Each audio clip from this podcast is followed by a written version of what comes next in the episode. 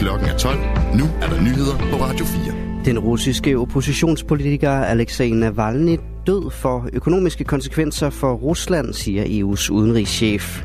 Gravide skal ikke længere op på vægten under graviditeten, mener Dansk Selskab for Almen Medicin. Og så har gentagende angreb i det Røde Hav haft konsekvenser for verdenshandlen. Nyhederne på Radio 4 er med Asbjørn Møller og Thomas Sand. EU's medlemslande forventes at pålægge Rusland yderligere sanktioner efter den russiske oppositionspolitiker Alexei Navalny's død i fredags. Det oplyser EU's udenrigschef Josep Borrell forud for et møde i dag mellem EU's udenrigsministre.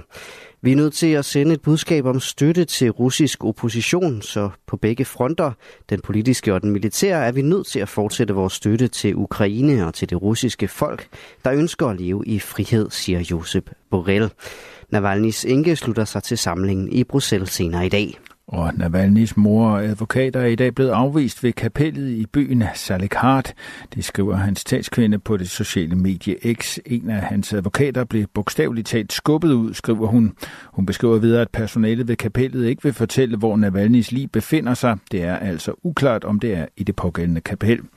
De russiske fængselsmyndigheder oplyste fredag, at Navalny var afgået ved døden i straffekolonien IK-3 i Sibirien. Siden fik hans familie og stab at vide, at Navalny's liv var blevet flyttet til et lighus i den nærliggende by Salikhard. Russerne har haft et overtag på materiel, og det har betydet, at de har kunne rykke fronten længere ind i Ukraine. Det siger Jakob Korsbo, der er sikkerhedspolitisk senioranalytiker i Tænketanken Europa. I weekenden indtog de russiske styrker byen Avdika. Samtidig har ukrainske og russiske tropper været involveret i 80 kamphandlinger i løbet af det seneste døgn. Og det har altså fået ukrainerne under pres, fortæller Jakob Korsbo. Russerne her i løbet af januar har haft et øh, overtag, ikke mindst på artilleri, som har været meget voldsomt. Ikke? Øh, det har ligget i et leje mellem 3 og 5 til 1. Så mange flere artillerigranater har, har russerne skudt af øh, siden, øh, siden nytår, godt og vel. Under angrebet har russerne lavet deres strategi om, så de i højere grad brugte mindre grupper af fodsoldater. Tidligere angreb de i store grupper, hvor mange, ifølge Korsbo, blev meget ned. Og der er forskellige tal for, hvor mange øh, soldater de har tabt øh, russerne, men, øh, men det ligger i hvert fald i nogle 10.000'er. Øh, så så det, har været, øh, det har været dyrt for dem også. Sundhedsstyrelsen skal se på, om det overhovedet er nødvendigt at veje kvinder i løbet af deres graviditet. Det siger formand for Dansk Selskab for Almen Medicin, Bolette Fridriksen, til Radio 4. I dag anbefaler Sundhedsstyrelsen, at alle kvinder bliver vejet minimum tre gange i løbet af deres graviditet. Men styrelsen bør se kritisk på de retningslinjer, siger formanden. Men det er altså vigtigt at holde øje med vægten, siger Per Ovesen, der er overlæge og professor på fødeafdelingen på Aarhus Universitetshospital. Det betyder noget for, for hvor meget hun har taget på, jo mere tager barnet også på. Det synes jeg er det største problem. Hvis mor tager for meget på, så får hun et stort barn. Det giver et umiddelbart problem. Det kan være svært at føde, hvor vi føder barn, og vi må ofte måske lave sek- eller kejsersnit i stedet for. Mm. Men også det barn, der bliver født, og som bliver født overvægtig, der har man måske lagt kimen til, at det vil blive ved med at være overvægtig. Mm. Så jeg synes, der er meget god grund til at prøve at holde øje med den vægt under graviditeten. Randi Mølmark O'Connor ville ønske, at fokus på vægt havde været mindre, da hun gik til jordmor under første graviditet. Her fik hun nemlig at vide, at hun havde gjort skade på, at hun gjorde skade på sin krop og sit barn, fordi hun havde taget for meget på, og det påvirkede hende, fortæller hun. Jeg kunne mærke, at tårne pressede sig på. Det var super ubehageligt, og øh, jeg, jeg fik jo alle de her frygttanker. Det var mig, der havde gjort noget forkert, for der var heller ikke nogen løsning. Jeg fik ikke nogen løsning med. Jeg fik ikke, en, jeg fik ikke noget råd til, hvad jeg kunne gøre, udover at jeg skulle ud og gå mere ud og, men, men igen, vi var, vi var jo så langt, og mine tal var rigtig gode. Men Per Ovesen er enig i, at der skal gøres noget ved kommunikationen af, når tallet kommer frem på vægten. Jamen altså, det vil jeg give hende fuldstændig ret i. Selvfølgelig skal det ikke være sådan, at man giver skyld og skam, og jeg ved ikke hvad. Man skal tale ordentligt om det her. Danske lønmodtagere, der arbejder i et fysisk hårdt arbejdsmiljø, har større risiko for langvarige sygemeldinger. Det viser en ny undersøgelse fra Arbejderbevægelsens Erhvervsråd. På baggrund af data fra en spørgeundersøgelse af Arbejdstilsynet i 2021, kan de konkludere, at hver fjerde lønmodtager med et hårdt fysisk arbejdsmiljø bliver langvarigt syge. Det er særligt lønmodtagere i bygge- og anlægsbranchen, der er ramt af de lange sygemeldinger. Til sammenligning var det bare 7,6 procent af lønmodtagerne uden fysisk hårdt arbejdsmiljø, der blev langvarige syge.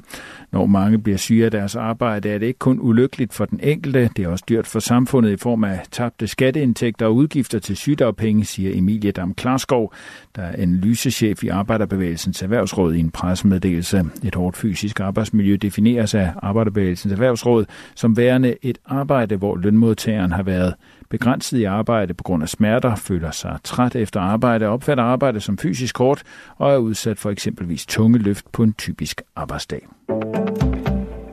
Vil i dag beslutte om en mission til det Røde Hav for at sikre de skibe, der transporterer varer igennem det Røde Hav. Det forventer udenrigsminister Lars Løkke Rasmussen fra Moderaterne. Jeg føler mig helt sikker på, at et konkret udkomme af mødet i dag vil være en EU-mission til det Røde Hav, siger Lars Løkke forud for mødet. Den nye mission vil også involvere Danmark. Fregatten Ivar Huitfeldt afspejlede afsejlede den 29. januar mod Suez og er ankommet til det Røde Hav for at indgå i den amerikansk ledede defensive Operation Prosperity Guardian. Det danske skib ventes dog at bidrage til EU-missionen. Vi har allerede i Folketinget taget højde for, at den danske fregat, vi har sendt afsted, vil kunne overgå til en EU-mission, siger Lars Løkke Rasmussen. Og uroen i det Røde Hav får flere virksomheder til at vælge at fragte varer med tog gennem Rusland, det skriver børsen, der har talt med flere speditører. Både østriske ÖBB og tyske Railgate Europe har set en øget efterspørgsel på fragt gennem Rusland de seneste uger. Også danske logistikselskaber får flere opgaver i Rusland, det siger Martin Åbak, så han er topchef i brancheorganisationen Danske Speditører, det siger han til børsen. Vi ser uden tvivl en stigning. Det er jo legitimt at vælge den rute, da det ikke bryder med de vedtagende sanktioner mod Rusland. Det er selvfølgelig problematisk, da det sender flere penge i lommen på Rusland, siger han. Flere af verdens største rædderier er stoppet med at sejle gennem det Røde Hav, der ellers er blandt de mest populære fragtruter mellem Europa og Asien. I stedet sendes skibene syd om Afrika en omvej på tusindvis af kilometer. Typisk er det personale, der fordeler medicin i æsker til alle ugens dage til hovedsageligt ældre mennesker, men fordeling af medicin kan gøres med maskiner på apotekerne, og den metode vinder frem. I december 2021 var antallet af månedlige brugere på dosispakket medicin 32.000. I slutningen af december sidste år var antallet i ordningen steget med 42 procent til 46.000. Det skriver magasinet Momentum, der udgives af kommunernes landsforening.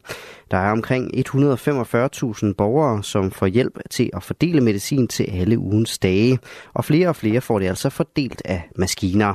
Og det er positivt, siger professor emeritus i sundhedsøkonomi Kjeld Møller Pedersen. Det giver en bedre kvalitet i medicineringen, og det aflaster plejepersonalet, siger han. En hidtil ukendt fyrsteslægt kan have regeret i Sydvestjylland i 5-600-tallet. Det peger fundet af en kvindelig guldring i Emmerlev på. Det fortæller Kirstine Pommergaard, der er museumsinspektør på Nationalmuseet. Fundet af den her guldring betyder, at vi nu har indikationer af, at der har været en øh, fyrsteslægt i Emmerlev, som vi ikke tidligere har kendt til. Og at den her fyrsteslægt er en fyrsteslægt, der har kontakt til øh, meovingerne, der er de helt store magthavere i Centraleuropa, i hvert fald også i 5-600-tallet. Merovingerne var en fyrsteslægt, der regerede det magtfulde Frankerige i Centraleuropa. Området ved Emmerlev kan altså have haft en særlig position i 5-600-tallet, hvis der, som ringen antyder, har været en alliance eller kontakt mellem en fyrsteslægt, fyrsteslægt og merovingerne. Og netop til at finde ud af det, er ringen altså vigtig, fortæller Kirstine Pommergaard det har den betydning, at vi kan lære mere om, hvordan magt landskabet så ud i Sønderjylland på det her tidspunkt, og øh, vi kan lære mere om de handels- og kontaktnetværk, som de her eliter i Nordeuropa har indgået i på det her tidspunkt. Også andre historiske fund er blevet gjort ved Emmerlev. Guldringen er nemlig gravet op bare 10 km fra fundstedet for guldhornene, der er fra omkring 400-tallet, og i øvrigt 2 km fra ringvolden Trælbanken, som er dateret til det første århundrede.